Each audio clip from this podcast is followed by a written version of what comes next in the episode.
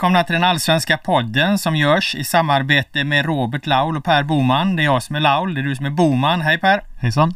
Vi har spelat fem omgångar av fotbollsallsvenskan 2021. Det börjar bli på riktigt, även om resultaten fortfarande kränger en del så också prestationerna. Kring detta ska vi fördjupa idag, men vi ska också prata lite om skattemoralen hos våra kära fotbollsdomare, om ett par intressanta domslut när vi ändå har domarna på tapeten. Vi ska resonera kring om vi har för höga krav på Malmö FF eh, och en hel del annat. Men först Per Boman, du överlevde bilfärden med Simon Bank.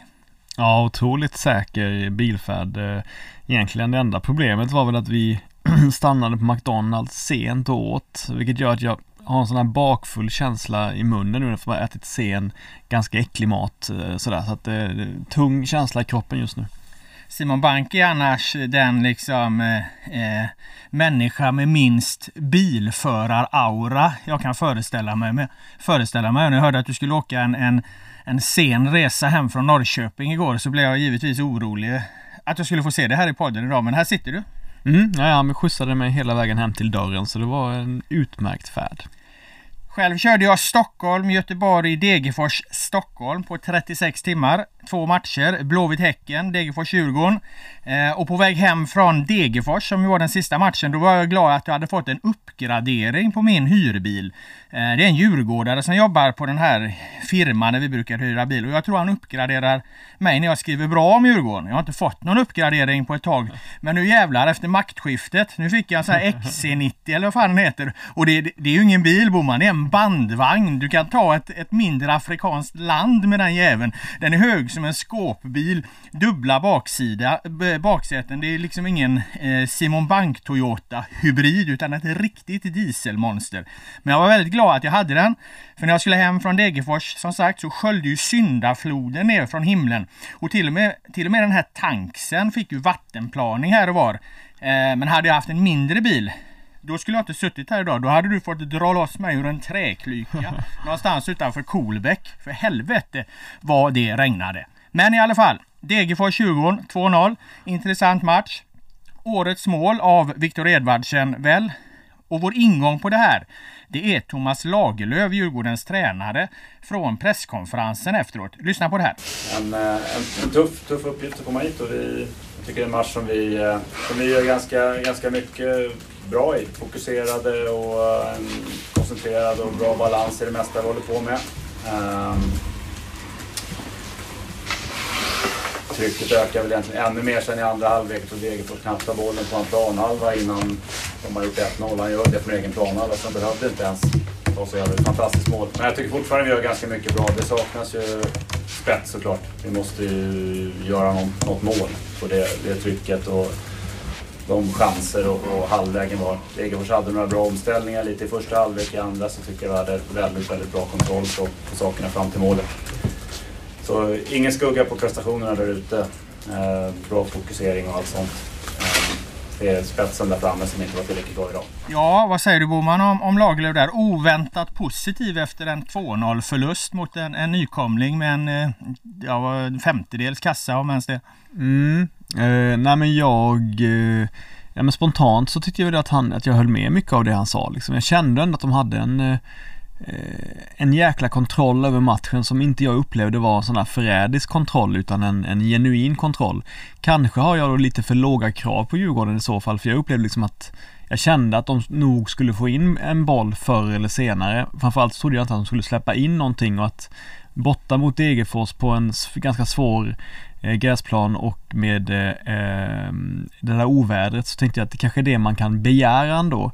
Sen har, du, har vi pratat lite om det efteråt och då kanske jag har fått eh, backa lite från den känslan. Så jag vet att du inte håller med honom så lägg ut texten. Nej, jag håller inte med honom eh, om, att, om att den här prestationen eh, var bra. Däremot förstår jag varför han säger det. För jag tror att han tycker egentligen inte att den här prestationen var särskilt bra. Däremot tycker han inte att prestationen är oroväckande. Det är liksom inte så att oj, Degerfors drog ner brallorna på Djurgården. Eh, eh Degerfors knäckte Djurgårdskoden. Utan jag ser det här som en enskild eh, dålig prestation som ganska logiskt kommer efter den här enorma urladdningen mot Malmö Malmö FF så är det inte så konstigt eh, eh, att, det blir, att det blir en sämre prestation efter det kan jag tycka. Jag tycker att det är inte alls samma eh, fokus, eh, samma beslutsamhet, samma höga nivå, samma höga kvalitet i passningsspel, i aktioner, i avgörande moment, i, i någonting egentligen.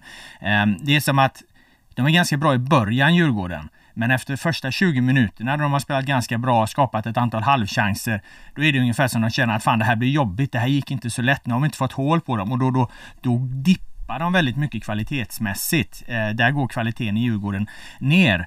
Eh, jag håller heller liksom inte med om att eh, om att det bara är spetsen som saknas. För jag tycker inte att Djurgården tar sig till de där riktigt rena målchanserna. Det är en rad det är en rad halvchanser och de bästa chanserna de har det är, det är egentligen rena bjudningar från Degerfors sida.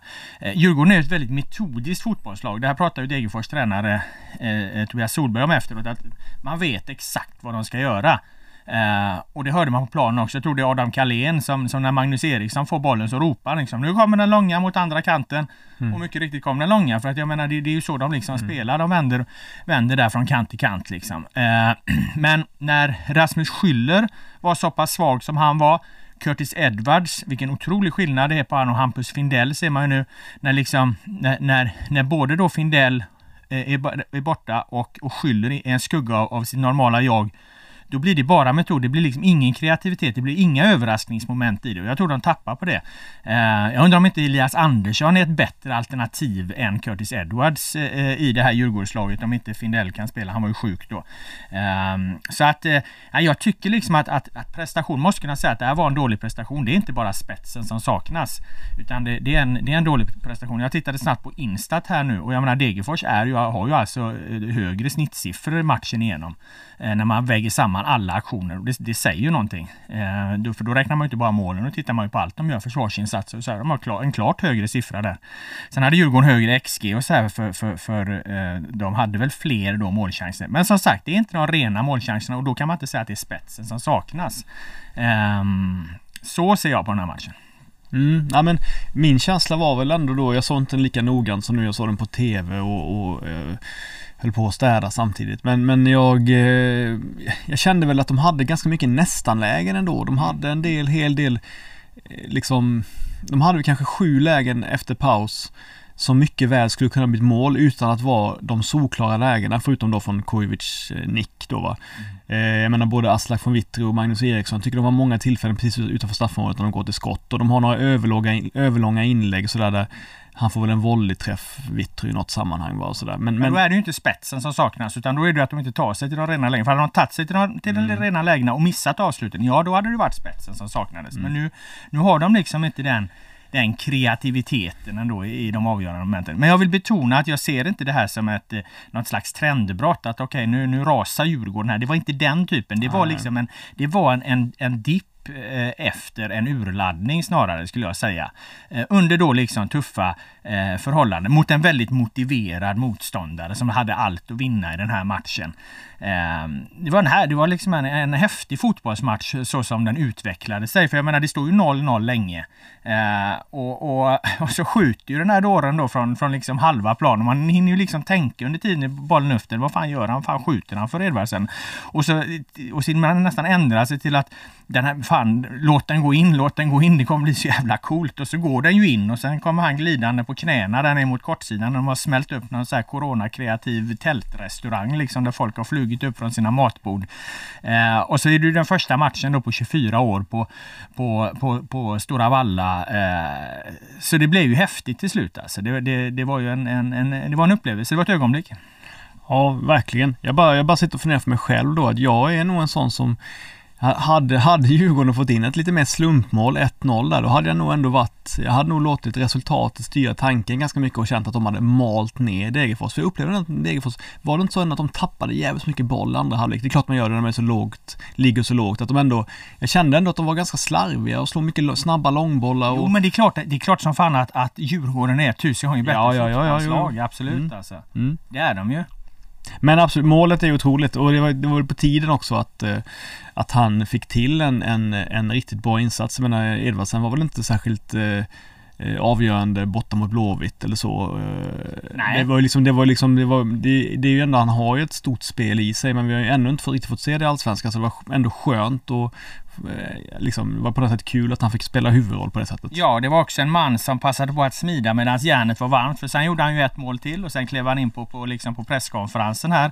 Och eh, normalt sett så står vi ju en klunga runt spelarna och inte gör dem. Men, men Edvardsen han klev upp liksom och intog podiet. Han slog sig ner liksom bredbent som han aldrig gjort annat än att suttit liksom på podiet i sitt liv. Och så tog han frågorna med, med en naturlig självklarhet där. Och, och eh, jag ställde frågan att, eh, vad, hur han, vad han tänkte om det här som årets mål då liksom. Och, och ja, då, då liksom var hans spontana reaktion såg man ändå var, var någon form av ödmjukhet och att han skulle vifta bort det. Sen insåg han att det här läget är för bra för att slarva, slarva bort liksom. Så då flinade han och så sa han, jag vill inte vara kaxig men jag tror det blir svårt att slå det här som årets mål. Det är klart att det, det, det enda som, det, du vet, det är ju en, det, det är ju ett, det måste, när man skjuter så långt ifrån, det är ju en, en dalande bollbana, eller hur? Mm. Det är ju mycket snö på den bollen när den liksom landar i mål till slut. Ja. Sådana mål, det är väldigt svårt men de, de är ju ännu snyggare när man har den här Dejan Stankovic raka vristträffen som, som liksom, det är väldigt svårt att slå över en målvakt med en rak träff men det är ju ännu snyggare. Den dalande träffen är, är ju fin men det, det gör det liksom ändå, det gör det lite, lite, lite sämre för min del ändå. Ja men den, den tillslaget är, kolla på det igen alltså, tillslaget är ju på, på eh, halvvolley Halvvolley. liksom. Mm. Alltså, lite, nästan lite yttersidaaktigt va. Han skär nästan skottet va. Så den är ju någon slags blandning av den dalande och den, den, den, den eh, Stankovic-raka då liksom. Som tror jag du menar va? Ja absolut. Så att eh, det, det är ett otroligt tillslag och sen så jag menar Djurgårdens målvakt då, Alexander Vasutin, han är ju ganska nära att ta den liksom. För att han har ju sin position för långt ut. Eh, om man nu kan säga att han har den för långt ut. Jag menar, eh, målvakten ska ju vara långt ut och det är ju egentligen Schüllers mål för han, han tappar ju bollen helt oattackerad. Jättedålig mottagning liksom, tappar bollen. Men det var som Lagerlöf sa, det kanske man måste få göra ibland liksom. Det, det här är, ja, det är ju en one in a million händelse så. Men, men han kastar ju sig där liksom in, i målet och håller ju nästan på att ta den. Så det var väldigt många, många häftiga moment. Ja, ja, det var ju så här, det eh, var Islamovic som gjorde, gjorde det, har gjort det nyligen, Irandus tog ut det nyligen, Irandust, ja. Ishizaki gjort någon gång tidigare, men framförallt påminner det om Hasse Berggrens eh, försök för, eh, är det 10 år sedan nu Ja, någonting, exakt. 10-12 år sedan. När han gjorde det, för han hade också ett, ett flow i sig när han gör det, för det är väl någon slags kombinationsspel som föregår den här rena, den här loopande vristträffen som även Edvardsen hade. Ja, Vasutin tog vi ut till också till då eh, pressträffen där. Han intog inte podiet men eh, han var väldigt korthuggen i, i, sina svar. Han beskrev det som ett, ett eh, crazy goal och det var aldrig roligt att, att, att, för någon målvakt liksom när någon, någon jävel gör mål från halva plan liksom.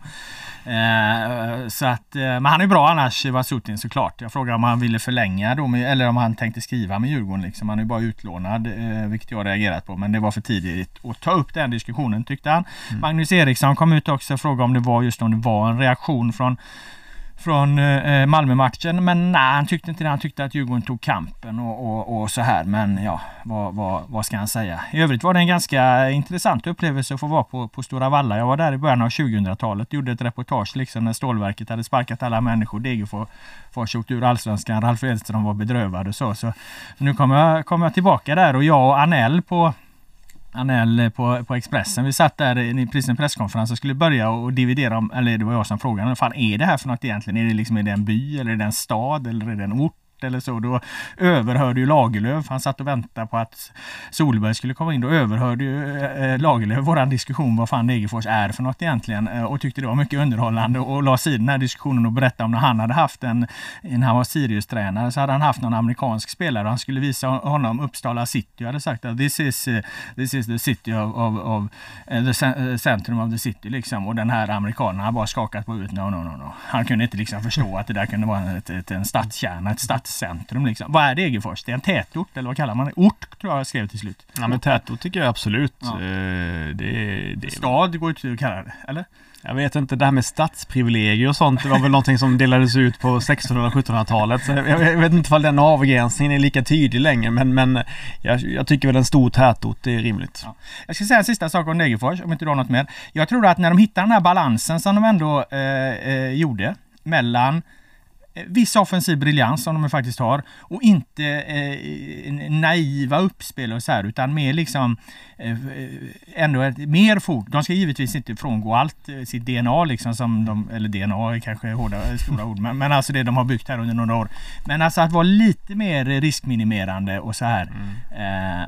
Och för de har ändå den här galenskapen där framme där det kan hända lite vad fan som helst. Då tror jag absolut att de kommer ta ganska många fler poäng på, på, på sin eh, hemmaarena. För de gjorde det bra. Mm. Och vad gäller Djurgården, eh, som sagt övertygad om att de studsar tillbaka mot, mot eh, Östersund. Det var, liksom inget, eh, det var liksom inget haveri på det sättet. Det var en dålig prestation och den kom efter en väldigt bra prestation. Logiskt. Ja, vi kan väl garantera att Djurgården vinner hemma mot ÖFK på, eh, imorgon va? på onsdag. Eh, vi låter Per Boman garantera det för våra lyssnare. Mm. Och har du inget mer? Nej, denna match? Nej, nej. Eh, som vi nu pratat om i en god kvart.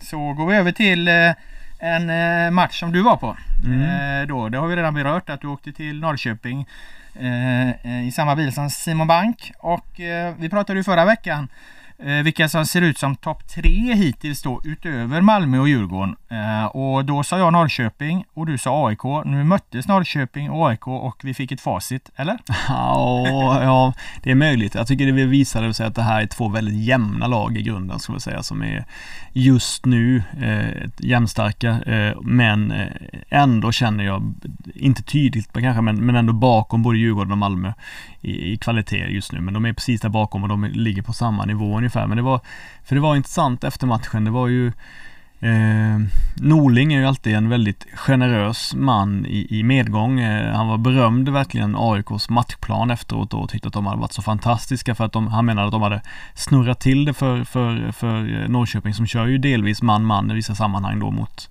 Eh, deras anfallare och sådär. Då hade de roterat mycket tyckte Norling. De hade bytt plats helt enkelt då mellan Bahoui och Goitom och Stefanelli och Ylletupa och sådär. Att eh, de hade skiftat, haft mycket platsbyten vilket hade då gjort det svårt för, för Norrköping Norrköping i defensiven. Vilket att de hade tappat bort dem ibland ja, det var väl nog, delvis är det väl så, men jag tycker även att liksom Norrköping klarade av att sortera det ganska bra och jag menar Goitom var helt eliminerad ur matchen. Eh, Bahoui gjorde en del bra saker men blev hårt tagen. Stefanelli var väl den enda som de inte riktigt fick kontroll på Norrköping. Han tycker jag var bra genom hela matchen, eh, rörlig som fan, eh, bra i kombinationsspelet också, den som ofta tar sig in och avslutar. Men, men eh, det var väl det som det handlade mycket om då, att de tyckte att AIK hade haft en bra matchplan och ändå varit starkare i den första halvleken. Håller du med om det? Ehm, ja, två saker kan man väl säga om Norling där och, och hans eh, eh coaching. Jag tycker att hans man-man-spel börjar sitta eh, allt bättre. Eh, ja, de hade vissa problem där med, med och det byggde väl egentligen framförallt på yt ytterback, hur ytterbackarna agerar skulle jag säga. Det var ju Bilal Hussein var ju någon slags inverterad mm. Eh, högerback. Då. Han är ju ingen högerback eh, men eftersom Lustig var borta så spelade Hussein. Han klev in mycket in centralt eh, och, och, och då, då fick de problem med sina liksom eh, ja hur de skulle följa och så den vägen. Och sen fick de problem på andra sidan också för det här är ju Otieno. Där stormade ju han fram, var jättebra hela matchen. Planens bästa spelare skulle jag säga. Otieno Jätte, faktiskt. Mm. Eh, stormade fram. Bahoui klev in i banan och då fick de problem med det. Å andra sidan så är det ju någonstans man-man-spelet över hela matchen som helt neutraliserar Goitom. Jag menar Lund har ju honom i sin ficka som kidsen säger. Eh, och, och Bahoui, jag menar han fick ju ett godståg i ryggen varje gång han skulle ta emot bollen. Jag menar han gillar ju inte det. Va? Jag menar han, han, är ju, han är ju ganska öm av sig om man säger så. Eh, den de inte liksom fick, fick samma grepp om då, det var väl, det var väl möjligen Stefanelli då. Eh, så att det fungerade bra. Och sen är det ju ett direkt matchavgörande byte han gör såklart. Jag menar det, det, det, det, det kanske är en enkel slutsats att dra men jag menar när du byter ut då Björk, forwarden, in med, med Skulason, ut med han på vänsterkanten och det första han gör sätter ett, ett perfekt inlägg på eh, Adegbenro så, och det blir 1-0 liksom så, så, så får man ändå säga att, att eh, eh Norling, eh, Norling krossade sin eh, eh arvtagare AIK där, bara Jellak i den här taktiska kampen.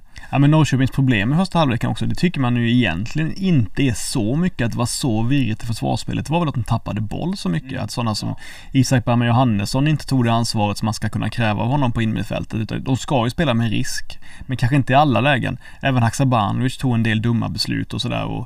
Eh, vilket var lite konstigt, för de hade ändå en del vassa anfall. Men vi har väl inte kanske inte efterlyst ett, ett rakare spel men att ibland att, eh, att Norrköping ska försöka slå den längre bollen bakom motståndarnas backlinje så att det blir lite variation och när de har tagit in Björk nu så har de det naturligt. Han är inte, han är ingen färdig spelare men han, eftersom han erbjuder sån tydlig kompetens som de inte har i övrigt så blir det ändå lite jobbigt för att då måste Milosevic och Papagiannopoulos backa lite och då finns ju helt plötsligt en yta framför dem som Adegbenro och Haksabanovic och liknande kan operera i. Men de gjorde inte det så ofta som de borde i första halvlek. Det blev ju ändå att de tappade ganska mycket boll. Mm. Men här måste vi vara, nog varit ännu tydligare. Eh, det är ju inte bara så att vi har nämnt det lite grann utan Nej. vi har tryckt extremt ja, ja. på att mm. Norrköping i början var alldeles för omständiga. Det var liksom Det var liksom ett överdrivet passningsspel fram till de här liksom eh, dribbelpellarna längst fram som vände om och höll på liksom.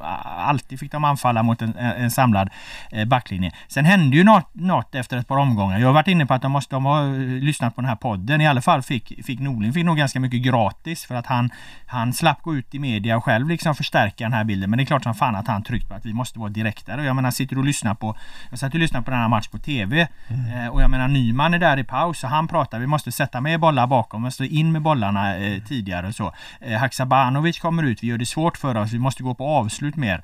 Eh, Norling pratar om det inför andra halvlek så alla pratar om det här nu att de måste vara mer direkta och så. Och det, jag håller precis med dig. Norrköping är bättre i början av matchen och då kommer också den här bollen på Björk som e-, erbjuder det här djupledsspelet. Sen slutar de med det och då sätter de sig i svåra situationer mot en ganska bra motståndare. Då blir det bolltapp på, på Isak Bergman Johannesson. Det blir bolltapp, enkla bolltapp på Levi för där är AIK bra på, mm.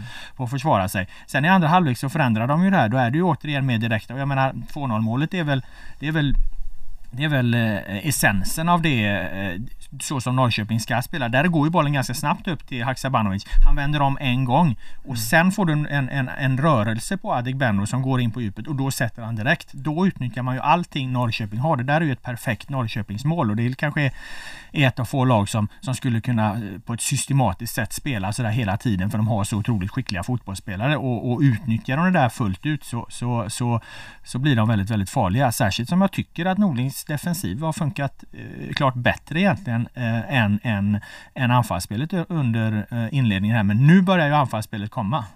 Ja men det är intressant då också att eh, jag trodde verkligen inte att de skulle våga ställa upp med ett lika ultraoffensivt lag mot AIK som de gjorde mot ÖSK. Jag trodde inte de skulle fortsätta med det. Jag pratade med någon AIK-ledare som sa jo, jo, de kommer köra likadant mot, mot oss eftersom vi spelar liknande som Örebro med liksom 4-4-2 i defensiven. Det sa Norling i, i förhandsintervjun. Han gjorde det också? Ja, okay. att, ja, han tycker att Örebro och AIK spelar väldigt likt. Han sa det? Ja, okej. Okay, ja.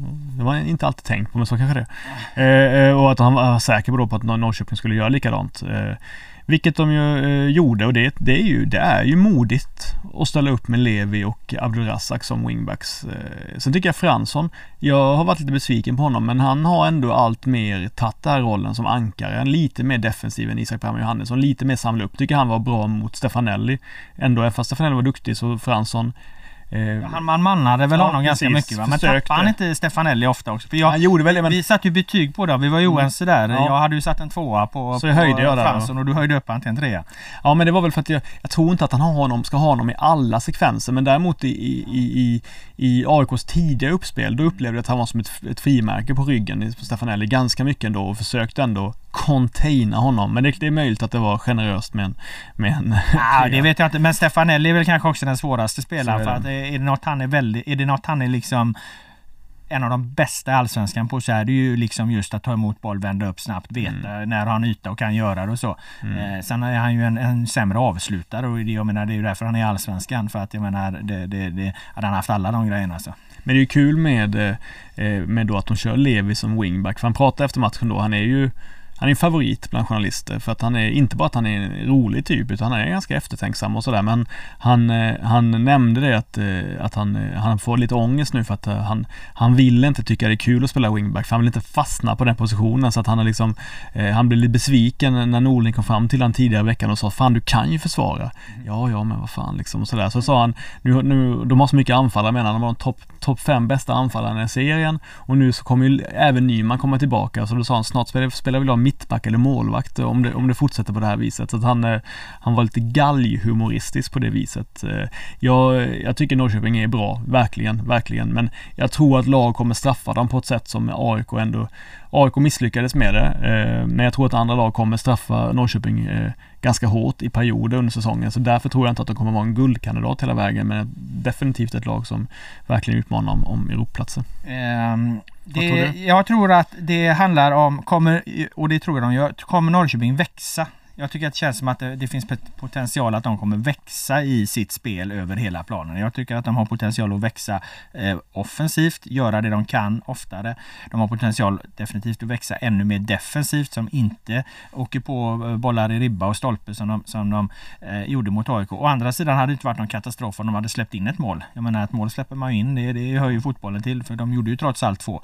Och, och de har ju liksom en anfallskapacitet för att, för att göra ännu fler om de gör det de kan oftare. Så jag tror att de har en, en, en eh, potential att, att eh, vara ett av de lag som växer under den här serien. Sen så är det väl det som blir deras problem. Det är väl hur mycket spelare de förlorar Precis i sommar, här sommarfönstret. Egentligen är det ju, är det ju utsiktslöst att bedöma fotbollsallsvenskan innan, eh, vad fan stänger det? 11 augusti stänger väl transferfönstret i år va? Då vi vet hur liksom hösttrupperna är för då ska det ändå spelas en eh, en, vad fan är det, en 12, 12 eh, omgångar eller vad fan det blir liksom när, när vi vet vad de har för lag då.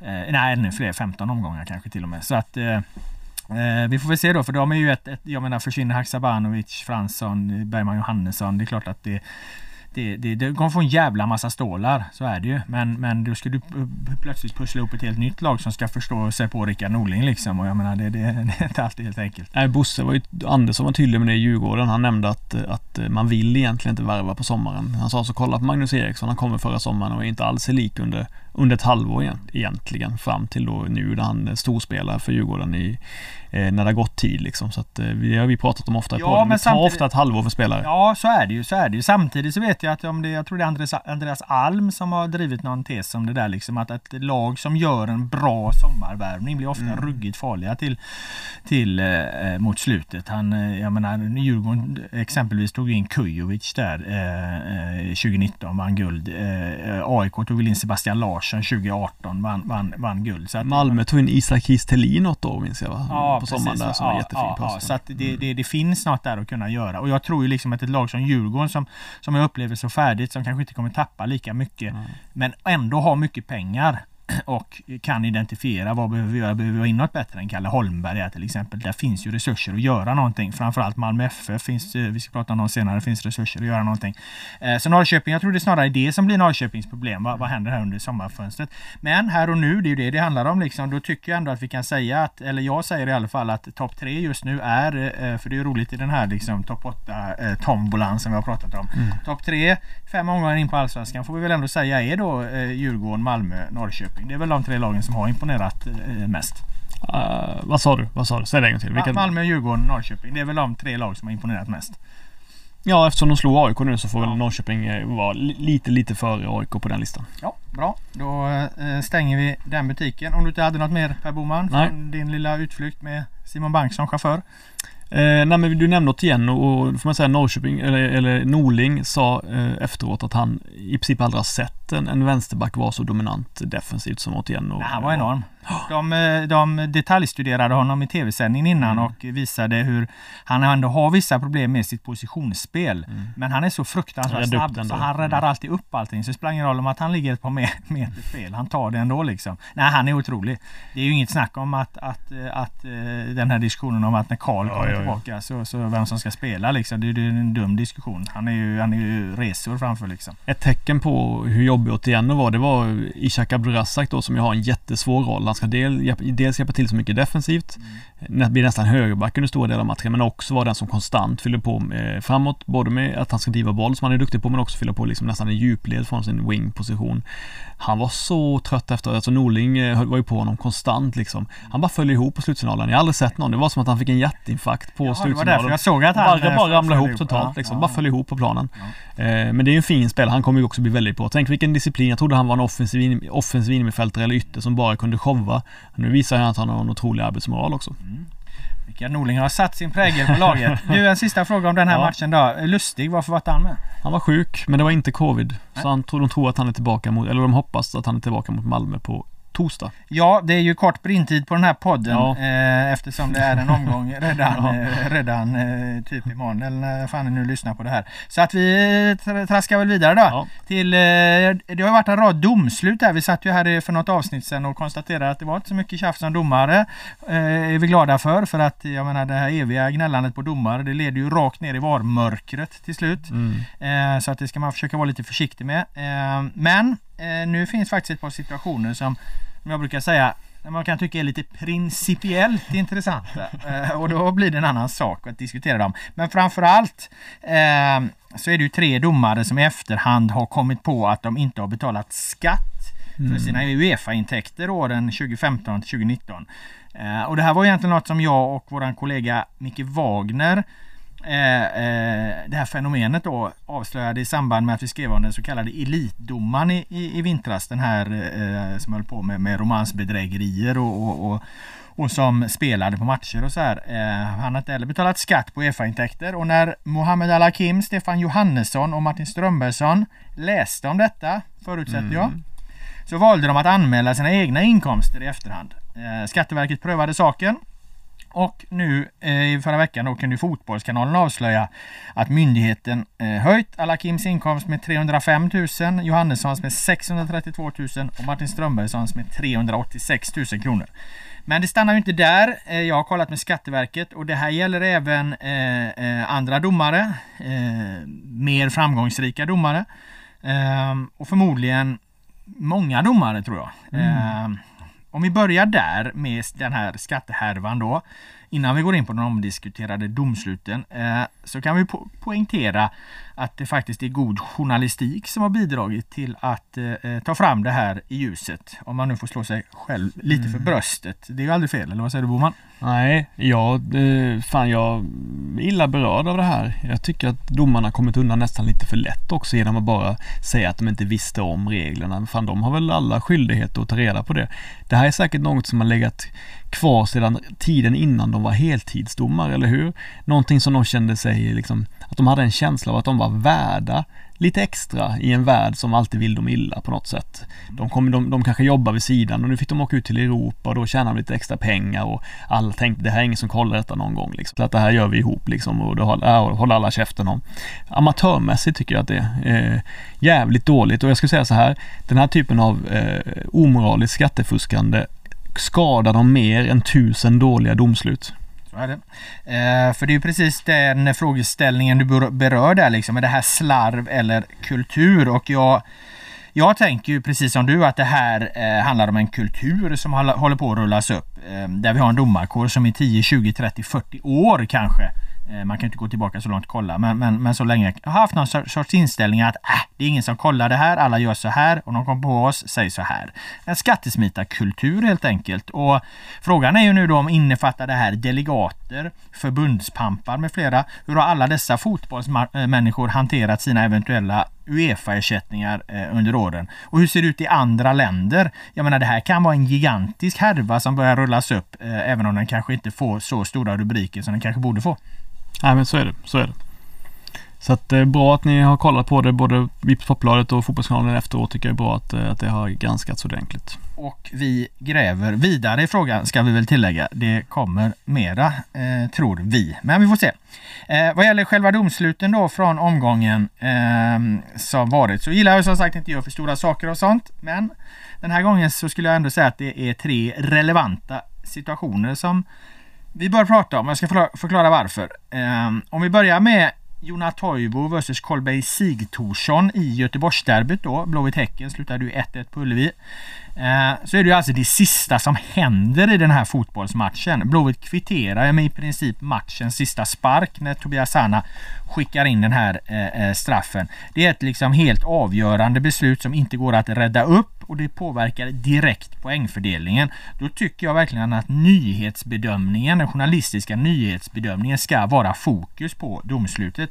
Eh, jag tycker det är en helt annan sak om något händer i 47 minuten och som innebär att ett lag hade reducerat till ett 2 eller något liknande. Det är när, liksom, när det blir fokus på massa sådana beslut. Det är det jag tycker liksom, det är för enkel journalistik, det är för billig journalistik. Det leder oss ner i ett varmörker. Det skapar en bild av att domarna gör fel hela tiden.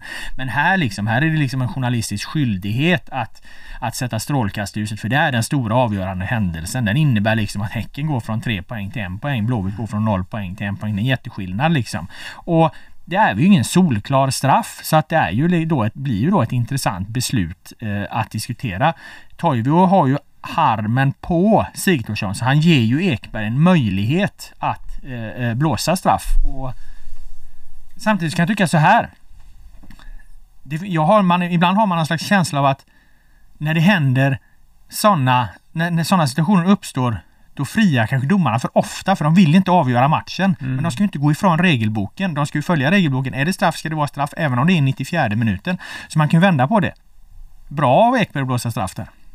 Ja, jag, jag, jag, tänkte på det för jag lyssnade på en podd med Jonas Eriksson. Han var med i Rickard Henrikssons podd. Och då nämnde han det att eh, under VM till exempel så då även fall de ser att det här är, det här är gult kort så ska man inte ta det för tidigt. Man får inte, ta, man får inte ge gula kort för tidigt eftersom det skulle förstöra matchen. Det skulle göra så att eh, spelarna inte riktigt eh, vågar spela på samma sätt och man ska bara göra det om det verkligen, verkligen, verkligen är tydligt för att annars, eh, ja, för att det, VM är så stort så man ska liksom inte riskera att någon åker ut på felakt eller liknande så här.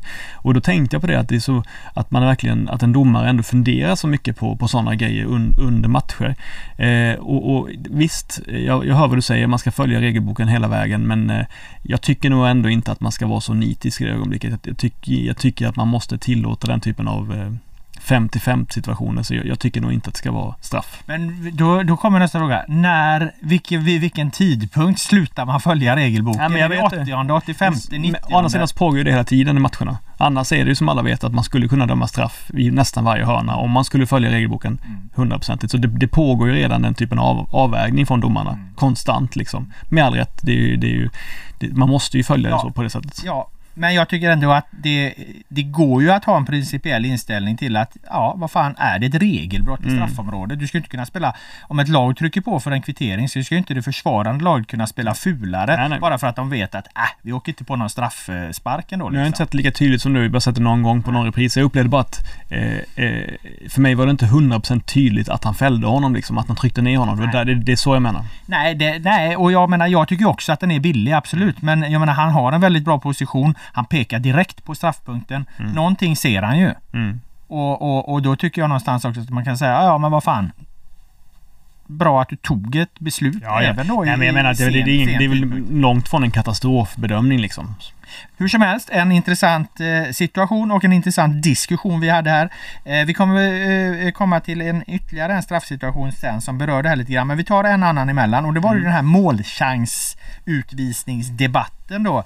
Ismail Diawara versus Edvard Chilufya i Degerfors, Djurgården. Mm.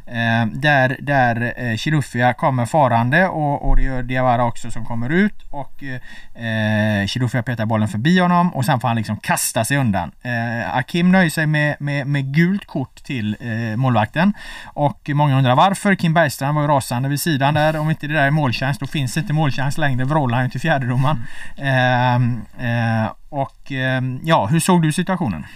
Jag såg det på TV och eh, Eh, det var ju en, eh, först en, en liten dröj, tröjdragning då från, från, från hemmabacken eh, på Chilufya som jag först såg på reprisen då.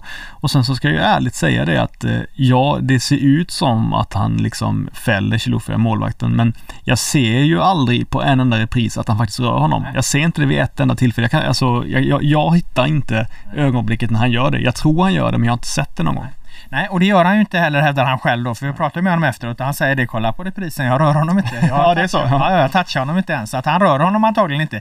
Det behöver ju inte nödvändigtvis spela någon roll. För om du kommer ut i full fart mot någon och han är först på bollen och han måste kasta sig undan. Mm. Då är det lik förbannat liksom ett regelbrott. Och då uppstår lik förbannat den här målchans eh, eh, diskussionen. Målchansutvisningsdebatten då. Och där ska ju då Mohammed Al-Hakim, nu har jag inte haft möjlighet att prata med honom, eh, men där ska han ju till spelarna då, Mange Eriksson berättar detta, haft en förklaring. Och han menar på att hade det första eh, det första regelbrottet, den där tröjdragningen som du nämner, som jag inte minns om det var ja, det, Olsson eller vad fan det Sebastian var. Olsson ja, precis, mm. ja, Som drar Chilufya tröjan. Hade hade, hade, hade beslutet gällt det då mm. hade det blivit en målchansutvisning. Det bedömdes som en, mål, då be, det bedömdes som en målchans. Är du med? Mm. Eh, så att hade han tagit det beslutet då, och, och blåst där, då skulle, då skulle Sebastian Olsson fått rött kort. För då hade det varit en målchans, för då kommer han emot den här målvakten. Men den släpper han. Och sen kommer en ny situation. Och då är det den situationen som ska styra. Och då petar han bollen för långt åt sidan. Så då mm. anser de inte att det är målchans längre. Så att därför blir det bara ett gult kort och det är heller då inte vårdslöst spel eftersom han som sagt inte rör honom. Så då landar beslutet i ett gult kort. Så att de, de och det, det, det, här vet inte jag. Det, det vet inte jag om Alakim har rätt i att det är så här man ska göra. Man ska släppa den situationen då, tröjdragningen, som egentligen då mm. enligt Alakim är en målchansutvisning. Medan det andra inte är det. Och då blir alltså slutsatsen att båda de här regelbrotten leder bara till eh, eh, ett gult kort. Och då undrar jag, om det nu är så här, var det liksom regeltillverkarnas, lagstiftarens eh, uppsåt? Var det deras andemening att det är så här reglerna ska tolkas? Det kan det ju inte riktigt vara. Ja, det låter ju som en väldigt så intrikat Galaxy Brain förklaring nästan av, eh, av eh, och att han på, de, på den millisekunden hinner liksom fatta ett beslut och sen ett till. Det är ju, det är klart att det... Men jag tror inte han hittar på Nej, nej, det tror inte jag heller. Men jag menar bara att det är klart att jag känner väl då spontant att eh, att man borde ju, eh, den eventuella fördelen som man lämnar under en halv sekund till efter den första tröjdragningen borde man kunna backa tillbaka och, och, och, utgå från det första regelbrottet givetvis. Om det första regelbrottet är allvarligare än det andra. Mm. Eh, jag vet inte hur det, det kan vara så att jag har fel, att det inte är så i regelboken, men, men, men eh, det är ju den spontana rättvisekänslan i alla fall. Ja. Vi har ju en hel del domare vet jag som lyssnar på den här podden, så vi får mm. väl se om det är någon som hör av sig och, och, och äh, förklarar ifall, jo då, Alakim följer bara reglerna så som de är skrivna. Mm. Jag menar, då ska ju ingen skugga landa på Alakim. Jag menar, då har han ju bara, då har han ju bara följt reglerna. Då, då, då får man egentligen istället då fundera, var det så här reglerna var avsedda att, att, liksom, att läsas och förstås. Tredje situationen, om du inte hade något mer om den här.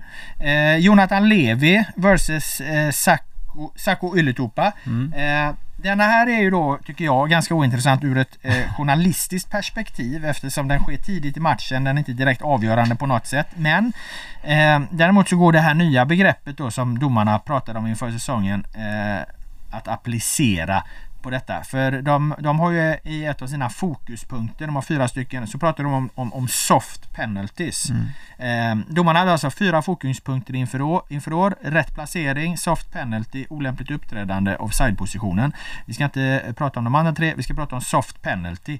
Eh, och då handlar ju då om straffsituationer och då, då har svenska domarna studerat straffsituationer runt om i hela Europa och pratat mycket om soft penalty-begreppet, det vill säga situationer där det inte är glasklart om det är straff eller inte. Detta för att få en mer enhetlig bedömning bland alla domare i Allsvenskan och Superettan. Och det här mm. tycker jag är direkt tillämpligt då på Sacco Ylätupas situation där Levi. Han får en hand i ryggen. Det är tveksamt om den är innanför eller utanför straffområdet. När man zoomar in väldigt noga som de gör på tvn så ser man att handen är nog lite på honom när han kommer in i straffområdet men i fart, mm. blotta ögat, omöjligt att upptäcka. Mm. Han får dessutom en dålig första touch. Bollen rinner ifrån honom. Hade han hunnit den eller inte? Hade han blåst straff där, då hade det här varit en soft penalty, eller hur? Ja. Och då, därför gör de ju då rätt som friar enligt det fokuset de ska ha. Så här kan AIK egentligen inte kräva en straff även om när du går ner på millimeterdetalj så kanske det är straff. Förstår du vad jag tänker? Jag förstår, men det är en jävla gråzon det här liksom. Så jag, jag, jag hör vad du säger. Och jag vill också säga att Ylätupa efteråt så när han prat, pratade om det här då sa han Jag vill vara väldigt tydlig med att det här absolut inte avgjorde matchen. Nej, det, som av, det som avgjorde matchen var att vi inte satte våra chanser i övrigt. Så att jag, jag skyller inte på det här överhuvudtaget, även om jag tycker att det var straff. Nej. Jävligt klok kille överlag. Mm. Eh, och det är därför jag menar att journalistiska perspektivet eh, är inte så relevant för det här. Däremot då är det intressant att vi kan lyfta det här soft penalty. Jag är inte säker på att alla lyssnare har hängt med att, de, att, det, att det finns ett, liksom en diskussion och ett fokus på soft penalty. Mm. Eh, ehm, eh för, men, men, det är ju helt enkelt då att det ska, vara, det ska vara väldigt tydliga och givna straffar. Och det kanske också kan tillämpas på den första situationen vi, vi pratade om där eh, med, med, med Toivio versus Sigthorsson. Det där kanske var en, han kanske tog en soft penalty där. Å andra sidan han har bra position. Han kan ju också ha sett något eh, eh, vi inte har sett. Eh, sista frågan är till dig Per Boman. Tycker du det är rätt att, man, att de fokuserar på soft penalty? Är det bra att få bort de här soft penalty eller, eller ska de följa, vara nitiska i, i regelboksföljandet? Jag vet inte, det är, det är, det är en jättesvår fråga liksom. Men, men eh, det är klart att jag, eh, jag har inga problem med att man, att man eh, friar hellre än fäller i de lägena. Det tycker jag känns, det tycker jag känns, det känns spontant bättre i magen. Så ja, då tycker jag att det är bra med ett fokus på soft penalty. Ja, för att man har, det har ju varit en, liksom en, en tid då fotbollen mer har, man ska premiera det offensiva därför man har fält oftare än fria, tvärtom mot vad du säger då. Mm. Eh, jag har ju alltid under min journalistiska mitt, mitt, journalistiska liv när jag försökt ha någon slags genomgående inställning till den röda tråden. Jag har sagt att domare ska inte chansa. Döm mm. på det du ser liksom. Jag vet att jag hade någon situation med Martin Hansson när, när någonting hände bakom någon liksom och han, han, han gick på känsla då liksom och blåste. Jag tycker inte domare ska chansa. De kan bara blåsa på, på det de ser. Johannesson hade en situation med Djurgården-Helsingborg 2019 var det. Kommer du ihåg det? När han liksom ser att folk börjar reagera mm. liksom. Och så, han hade något begrepp på det. Han kallade att han tog det liksom på, på, på intuition eller Jag tror de gör så ganska ofta. Ja faktiskt. exakt va? Och, och, jag tycker att domare ska Jag tycker att man ska De ska, de ska inte chansa. Ser de inte, men går inte att klandra någon som inte ser någonting. Men däremot om du chansar då, då öppnar du ut fältet för något helt annat. Jag vet vad jag kommer att tänka på nu? Det är en av de största dom... Var inte det en väldigt stor debatt efter den gången när Anders Frisk släppte, släppte han en boll mellan benen på sig själv. Tunnlade han sig själv när Djurgården gjorde mål i ett derby någon gång mot AIK? Så jag har en starkt minne av att han var involverad i spelet på det sättet och det blev en stor grej. Har du minne av det? Nej, den minns jag fan inte. Jag får se om någon läsare kommer ihåg det. De får, ja, de får återkomma. Vi får några, några reaktioner på det. Um, vi berörde ju derbyt där, Göteborgsderbyt. Vi ska väl ändå säga någonting om det. Det slutade ju 1-1. Uh, det var en väldigt mm. fin, de hedrade Bebben Johanssons minne väldigt fint där. Uh, spiken Micke Johansson höll ett, ett, uh, ett väldigt vackert tal. Uh, Bebbens familj, frun Solveig, barn, barnbarn satt där med, med kaffetermos och hembakt på läktaren i solen och, och och njöt av matchen. Eh, Bebben fick sig eh, eh en applåd som, som eh, ekade ända upp till änglarna. Eh, det var, jag tycker det var fint. De hade sina tröjor som hade tryckt upp. Vi ska minnas Bebben Johansson i alla våra dagar. Ehm, de bytte in marschen till då Heja Blåvitt där den här textraden återfinns. Det tyckte jag var, var fint. I övrigt var det ett ganska platt derby. Eh, jag vet att när vi planerade den här podden så hade du redan glömt av att det hade spelats. Ja, redan du frågade vad, vad ska vi säga om derbyt? Men det, har inte, det har inte varit något Stockholmsderby så att jag som den eh, Stockholmsjournalist jag kanske tyvärr är då i viss utsträckning satt och funderade på helt, helt glömt bort eh, Göteborgsderbyt. Men det kanske inte, det kanske inte var några stora avtryck ändå. Nej, det var ju, det var ju väldigt mycket eh, på spel kändes det som. I Göteborg var väldigt försiktiga. Man gick ju tillbaka till AIK-taktiken här. Man, eh, man låg ju väldigt lågt, eh, kontrollerade ytorna, lät Häcken eh, dominera. Eh, man ville växa sig in i matchen, vilket man också gjorde. Å andra sidan så åker man ju då på första målet och då blir det ju som att, okej, då betyder, då har allt det här varit, varit i onödan och då fick man ändå liksom eh, kasta livbojarna och, och, och ösa på framåt. Och då för första gången i år tycker jag får man ju upp Marek Hamsik i en högre position i plan. Mm. Han är ju faktiskt bra i den här matchen, mm. det ska man ju säga. Han, han, eh, jag skrev efteråt att han, han har inte lyft Blåvitt och det är ju faktum liksom. Han har spelat tre matcher från start, de har två poäng. Det, ur det perspektivet är det ju här misslyckande, flopp och fiasko, välj vilket ord du vill. Mm. Men, men eh, fotbollsmässigt, när han kommer upp i, i banan så gör han ju sina bra saker högre upp i planen. Då får du mer effekt. Han har ju ett jättefint inlägg till Sigthorsson som har en fin nick. Eh, som Dahlberg räddar. Det är han som spelar fram Sigthorsson till den här straffen som vi pratar om. Så att får du upp Hamsik i banan eh, så blir det bra. Det vågar de inte riktigt från början för att det här är en match som de absolut, absolut inte får förlora. Sen håller de ändå på att förlora den. Och då får de i panik gå på det här. Och då får de till slut eh, eh till den här eh, eh, kvitteringen. Men ingen tvekan om att, att, eh, att Hamsik kom högre upp i plan. Dessutom var han ju lite frustrerad den här. Jag menar Berggren tog ju bollen av honom och då stod han där och gestikulerade och gav fan i och, och, och jagade efter. Och då var det ju en Blåvitt supporter på den här liksom restaurangavdelningen som de har förlagt ute på läktaren som, som vrålade liksom rör på dig till, till, till, till världsstjärnan där då. Så att, Ja, eh, han, han, går liksom och, få ur balans där. Men jag skulle säga att den som är bäst i Blåvitt i den här matchen, eh, det är ju Sigthorsson. Han, gör en jätte, han är ett monster där uppe. Han, han är jättebra. Han, han släpper bollen jättefint till Tern också när Tern prickar ribban när, när de måste framåt. Så att säga att Sig, Sigthorsson som vi pratade om efter de här målen har inte gjort några fler efter målen mot AIK. Men, men han, blir, han blir bättre och bättre. Eh, häcken är ju Dahlberg väldigt, väldigt bra i, i mål. Eh, Jeremejeff får ju slita som fan. Och de får ytor att sätta upp de här bollarna på Jeremejeff. Han är bra på att ta in dem. Men, men när du inte har Friberg utan det är liksom är Bergen och Falseta så blir ju inte leveransen lika bra. Därför fastnar de ofta på Göteborgs backlinje. Så att det egentligen, även om Häcken har bollen mer, eh, så har Göteborg den bättre. Ja men eh, sista frågan på den är väl bara fem raka matcher utan seger för Häcken. Det enda laget som, som inte har vunnit en match i Allsvenskan än så länge. Hur stort fiasko är det? Ja, man sitter ju och väntar på att Häcken ska börja vinna och, och, och, och, återigen, nu har de liksom det, det, blir, det hamnar ju i ett komplicerat läge. Eh, det var en katastrofal start. Eh, sen efter det har de då kryssat borta mot Bayern och kryssat borta mot Blåvitt. Ingen av dem, ingen av de två resultaten går ju att ifrågasätta. Det går inte att kräva att, eh, att Häcken ska åka upp till eh, Stockholm och vinna mot eh, Hammarby. Det går inte att kräva att de ska vinna ett Göteborgsderby. De slutar alltid 1-1.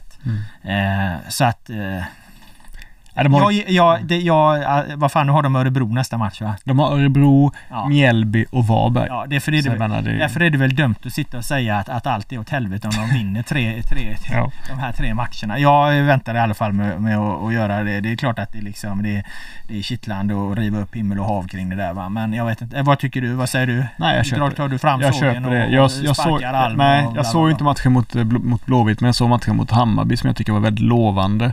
Och fortsatte de på ett hyfsat liknande spår där så råder det inget, ingen tvekan om att de kommer Ja, men jag säger så här, de måste ju ta minst sex poäng av nio möjliga då eh, mot, eh, mot de här. Minst sju poäng. Jag tycker de ska ta nio poäng. poäng. för fan. De ska gå rent här nu. ja, ja. Tre raka. ja, det är kravet. Tre, tre raka, annars så kräver vi Alms huvud på ett fat i den här podden.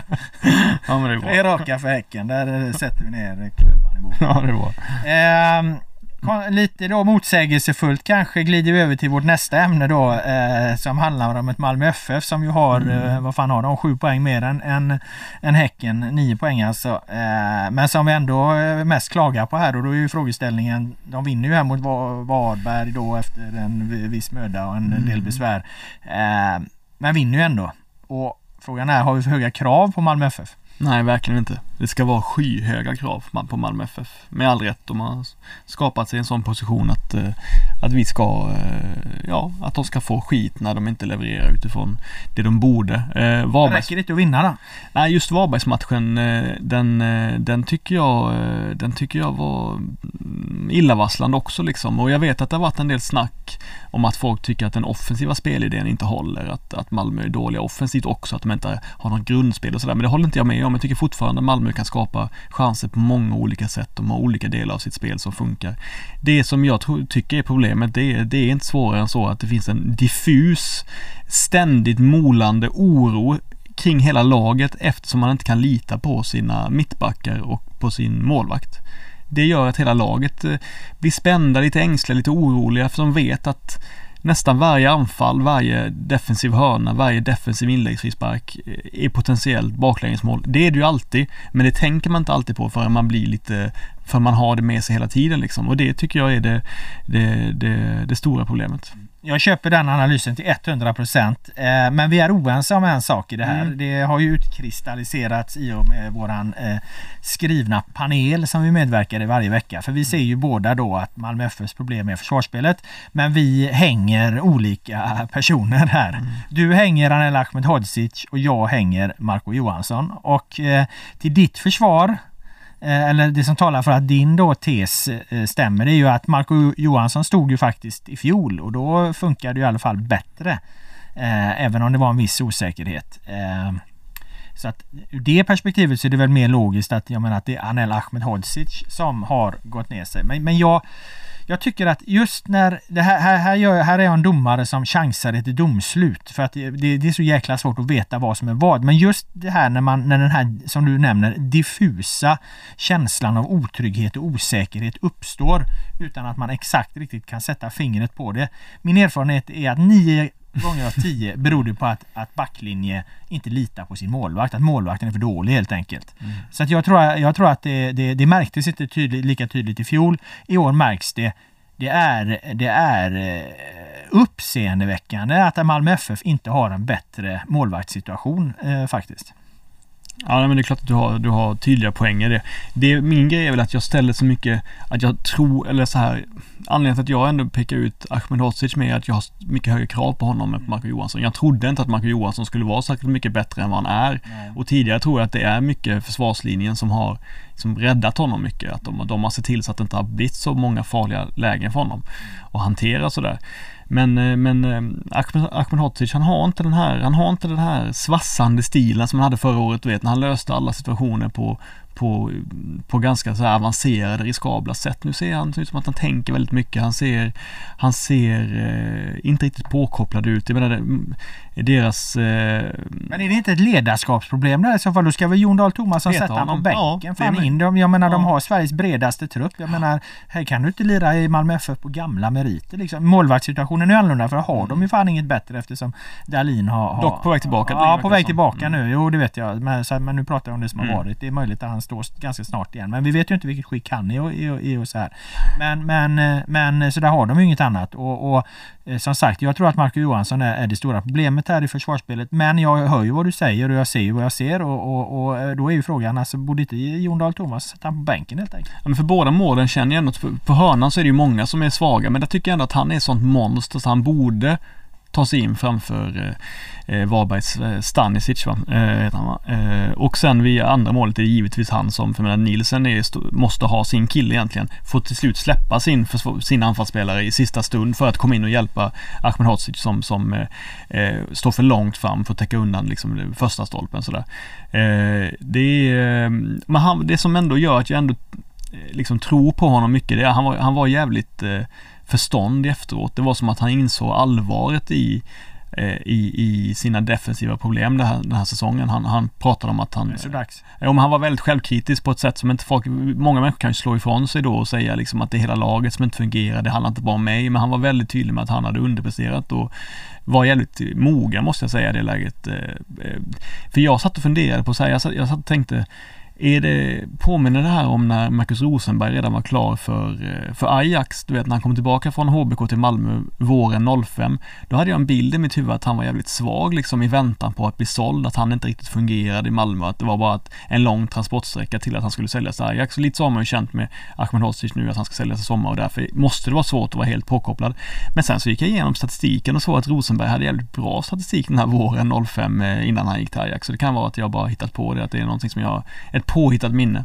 Ja, nej men det har vi pratat om eh, och det ju, vore ju inte första spelaren i så fall som, även om Rosenberg inte räknas till den kategorin då, men det vore inte första spelaren som, eh, som tappar fokus när de precis är på väg att sälja. Så det har vi ju, tog vi ju egentligen tagit upp från match 1 mm. Eh, här i podden att, att var har Ahmed Hodzic sina tankar och det är därför jag menar att Jon Dahl Tomasson, han har en bred trupp då, eh, eller borde ha en bred trupp, eh, mm. kanske skulle bänka honom. Och jag tänkte att det vore ju en bra rubrik här men jag har inte fått något tydligt svar av Nej, det. men då i så fall inte... skulle Brorsson och Nilsson spela ihop dem mot AIK borta. Mm. Och då har jag nog hellre Ahmed Hodzic och Nilsen. Men det är bara... Får jag säga det själv om jag behöver den rubriken ja. men det är jag inte heller beredd att göra. Nej, så att vi får nog hitta en annan rubrik. Nej men, men det, det, är klart att jag känner väl också att eh, det, det, är ju ett oerhört svaghetstecken att, att eh, att, se, att segern var så pass illa ute att man tvingas byta in Eh, en tredje mittback i 89 det är Frans Brorsson för att då hantera Varbergs, nu är ju Varberg bra på, på, liksom, på inlägg, på, på höga inspel, på fasta, på nicksituationer.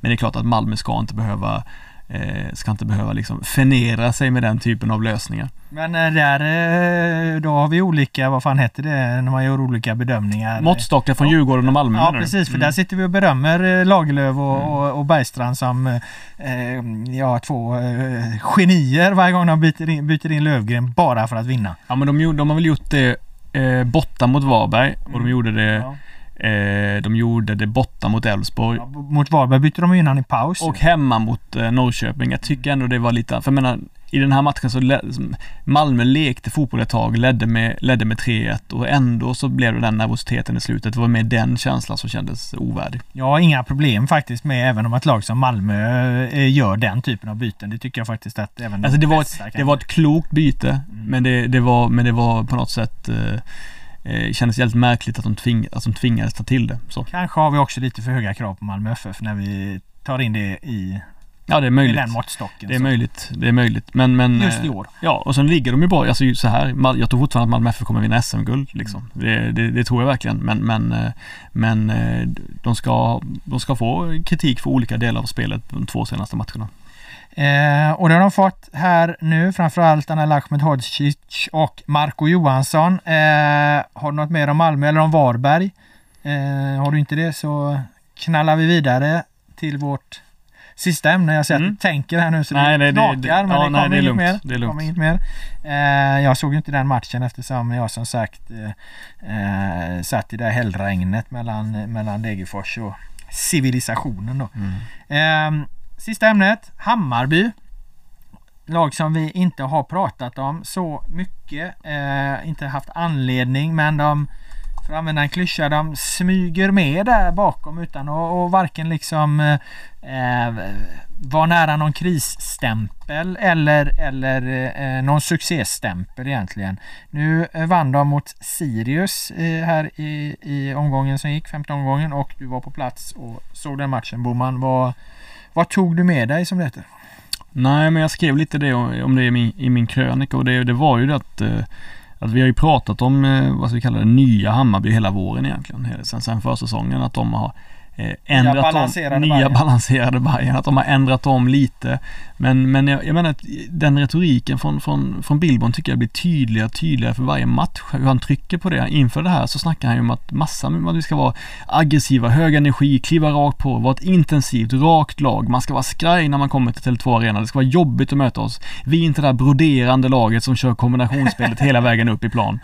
Vi ska spela betydligt mer för att skapa flera målchanser snarare än vad de skapar de här hundraprocentiga chanserna som vi alltid velat ha tidigare. Ja, det är ju så jag menar. Det betyder ju ett mer chansspelande, rakare, mer inlägg, mer inspel, mer kvantitetslag snarare än kvalitetslag. Och då vinna boll högt upp och köra mycket på fysik och sådär. När man har de anfallsspelarna. Det tycker alla är rimligt. Men det är med att de det är så jävla tydligt snack om det.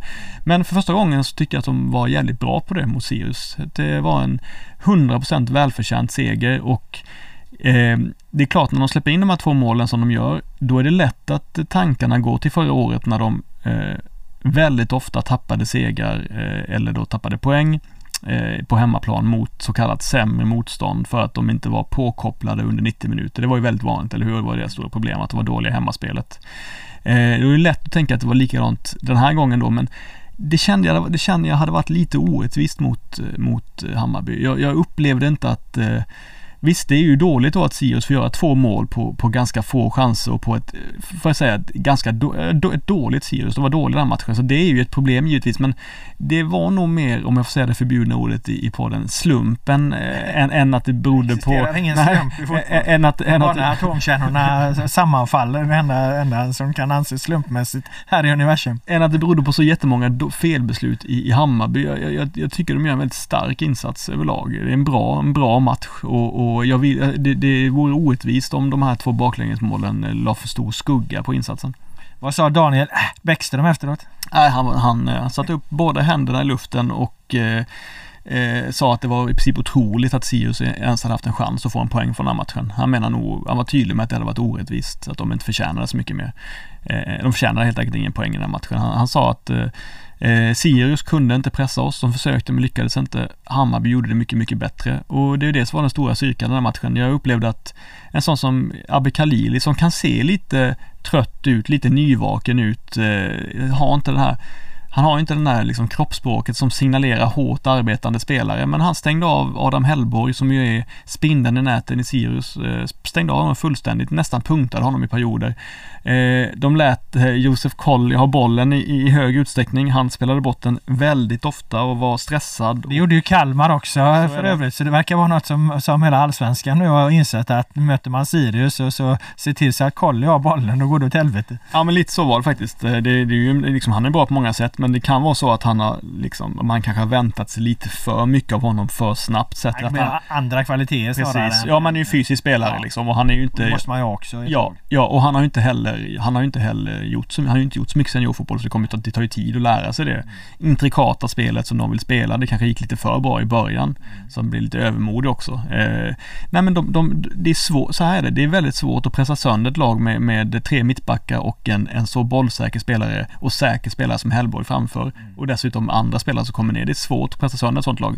Häcken lyckades inte, Hammarby lyckades jättebra med det. Jätte, jättebra med det under kanske 70 minuter av matchen. Och var just det här eh, raka heavy metal-laget som Billborn tycker de vill att de ska vara. Eh, och det, och det gjorde de, det gjorde de gjorde helt enkelt det väldigt bra. Det var en bra matchplan, de löste det. Eh, Hellborg där har jag varit inne på. Eh, tycker du nu när du såg honom här, eh, är han ett namn för större klubbar? Det är intressant för eh, jag tycker ibland att han har varit ganska, en ganska vårdslös spelare i Hellborg. Eh, eh, att han är en sån som kanske inte har fysiken och duellspelet i sig egentligen då. Men eftersom han har den positionen så måste han visa att han kan det också och då spela för fult ofta, spela för hårt, spela för eh, ovårdat i onödiga situationer vilket gör att han får mycket gula kort, mycket avstängningar eh, sådär. Jag tycker, inte han, jag tycker han, om han är hundraprocentig ofta med att värdera med bollen så är han väldigt dålig på att värdera duellspelet ibland. Det tycker jag gör att han skulle ha svårare att spela i en större klubb. Vad gäller liksom det här katalanska La Liga, boll, hålla bollen. Jag tror han passar bra i ett eh, Eh, mittenlag bättre än ett topplag. Men, och, och nu hade han ju problem också med bollen första gången under säsongen och blev sönderpressad vid flera tillfällen. Intressant. Eh, har du något mer om den matchen? Jag såg den inte som var på Göteborgsderbyt då. Eh, vad, hur ser prognosen för Bayern ut? Nej men det är inte... Vi, vi, vi tar inte in dem, ens knappt tar in dem i topp 3-diskussionen. Eh, där vi ändå eh, hade dem ganska ofta inför säsongen. Ja men vi får hålla oss för goda just nu för att sätta upp dem så högt tycker jag eh, faktiskt. Behöver visa mer helt enkelt. eh, Nya balanserade Bayern. Men det verkar i alla fall som att riktningen för hur de ska ta sig dit är tydlig.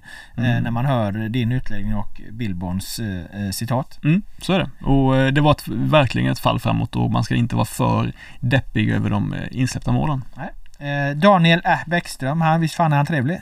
Otroligt sympatisk. Eh, verkligen. Vi Eh, tyckte att han var lite studsig där i början. Du tyckte- framförallt- Du tyckte eh, det. Jag tyckte det, men jag har eh, omvärderat eh, Bäckström sen han kom fram eh, till mig på Friends och tackade för sitt nya eh, smeknamn. Det var, var, en väldigt sympatisk man. Ja men det är klart att och när han börjar efter 20 minuter eh, peka eh, upp på offensiv planhalva till David Mito Nilsson i ett slå långt för helvete. Oj då. Vet man att, eh, då vet man att Sirius är illa ute eftersom de skyr den typen av lösningar som pesten. Eh, men det var, det var de tvungna, de var tvungna att göra det. De borde gjort det tidigare. Boman, vi ska ta och eh, ge oss ut i försommarvärmen. Det är ju varmt för första gången på vad som Mm. känns som en evighet i den här delen av landet. Kanske unna oss en bricklunch till och med. Eh, jag ska bara fråga dig innan det vad du ser fram emot mest omgången som kommer.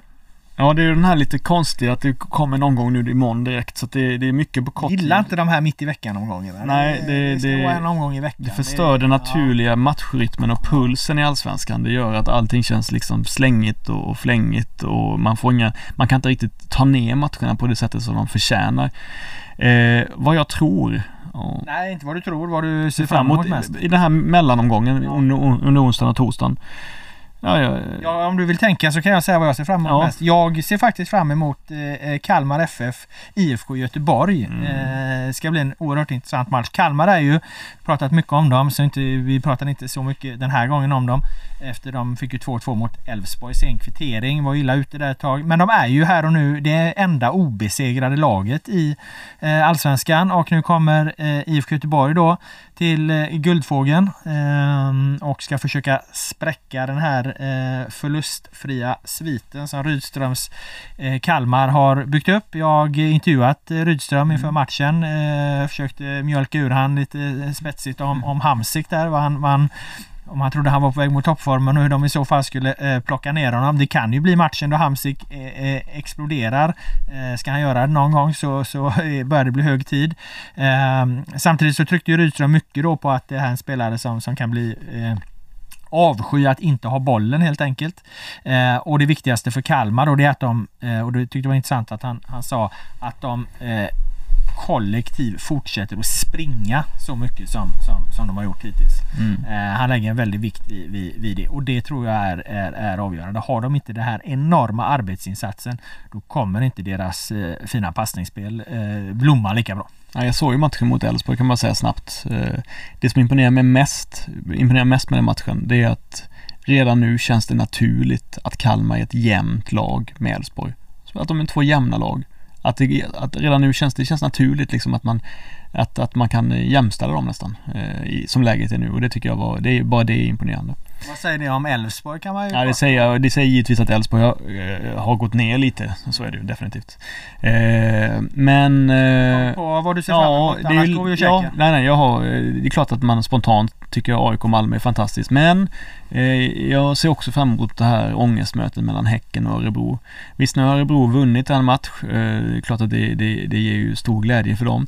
Men det gör ju att Häcken liksom eh, verkligen, verkligen, verkligen, verkligen inte får göra annat än att vinna den här matchen med minst två mål. Allt annat är ju, är ju eh, oerhört svagt. Så det ska bli spännande att se hur de klarar den ändå, måste ändå kännas som en rätt stor press liksom att mm. gå in mot Örebro hemma nu. Så att den matchen eh, kommer jag nog ha ett öga på. Det blir aldrig samma press på, på, på Nej, Häcken. Är det. Det, de har ju ett privilegium i, i den svenska elitfotbollen där att eh, de, det byggs inte upp samma tryck på dem. Liksom. Just det. Nya tuffa balanserade Hammarby får ju också årets eh, tuffaste test borta mot Varberg på, på, på gräset där vi förra året blev de ju fick de åka hem med gråten i halsen eh, efter den matchen eh, för att de inte kunde eh, mäkta med eh, fysiska Varberg. Ska se om den nya balanserade Bayern kan klara det bättre i år. Ja, sen ska ju syndaren vakna för nu har ju Billborn tillstått att Hammarby kan inte spela på gräs. Det hamrades ju fast i krönikor redan 2019. Då har ju till och med Billborn insett detta att, att, att de inte kan göra det.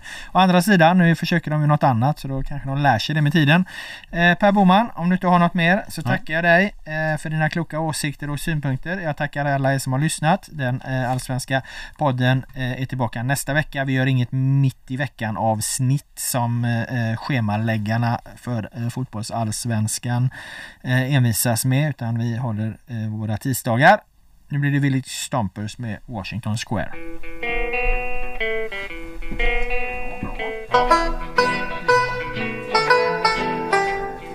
Bra.